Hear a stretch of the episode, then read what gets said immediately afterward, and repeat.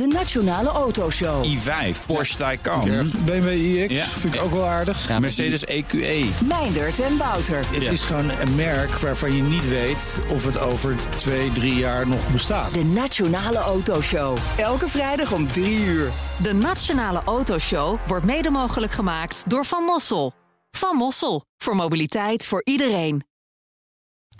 De column van Marianne Zwagerman. Nadat Mark Zuckerberg vorige week genadeloos werd geroosterd door politica Ocasio-Cortez tijdens de hoorzitting in het Amerikaanse congres, moest zijn gesprek met Robert Thompson, de CEO van News Corp, het grand dessert worden. Zo een met vuurspugende horentjes. Tegenover Ocasio-Cortez kon Zuckerberg niet anders dan toegeven dat je op Facebook nog altijd met leugens kunt adverteren. Geen groot geheim, want onze eigen mediamagnaat John de Mol stond gisteren weer in de rechtbank tegenover de advocaten van Zuckerberg, omdat die het toelaat dat oplichters de Mols foto gebruiken om bezoekers geld uit de zak te kloppen. Thompson had een ander appeltje met Zuckerberg te schillen. Als de baas van het mediabedrijf van de familie Murdoch voert hij al jaren een luidruchtige oorlog tegen Facebook.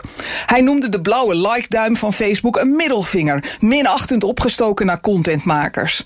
Hij laakt de complaint compliance van deze onbetrouwbare contentjattende club die pas inbindt als de druk van de buitenwereld te groot wordt. Hij noemde Facebook al eens een dystopie. Een stinkende, door trollen overwoekende achterbuurt waar je als adverteerder niets te zoeken hebt. Een plek voor neppers en oplichters. Geen omgeving dus waar News Corp zijn journalistieke producties van de Wall Street Journal of The Times zou willen terugvinden. Maar dat gaat nu wel gebeuren. Er was geen vuurwerk vrijdag tijdens het gesprek tussen Zuckerberg en Thompson. Het was bijna tenen krommend hoe de heren elkaars hielen likten en zich uitputten in wederzijdse complimenten. Want Thompson denkt dat hij namens de journalistiek de strijd met de zoek gewonnen heeft. Nu Facebook zijn bedrijf en andere nieuwsbedrijven eindelijk gaat betalen voor content. En niet een beetje hapsnap in een pilot of achteraf per verkocht artikeltje zoals Blendel dat doet. Nee, dikke vette jarenlange licentieovereenkomsten.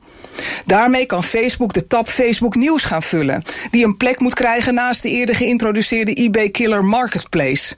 Zelfs nieuwsartikelen die op de site van de kranten zelf achter de betaalmuur staan, komen zo ter beschikking van de Facebook-bezoekers.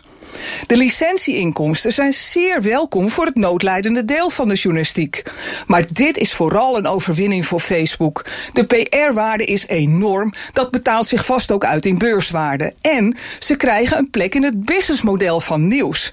Daar rookt Murdoch ze nooit meer uit. Wie zaken wil doen in een achterbuurt, loopt nu eenmaal tegen ratten aan. Dat zei Marianne Zwageman, onze columnist op dinsdag. En als u de column wilt terug, terugluisteren, kan dat op bnr.nl in de BNR-app. Daar vindt u alle columns van alle andere columnisten. We hebben er elke dag eentje namelijk.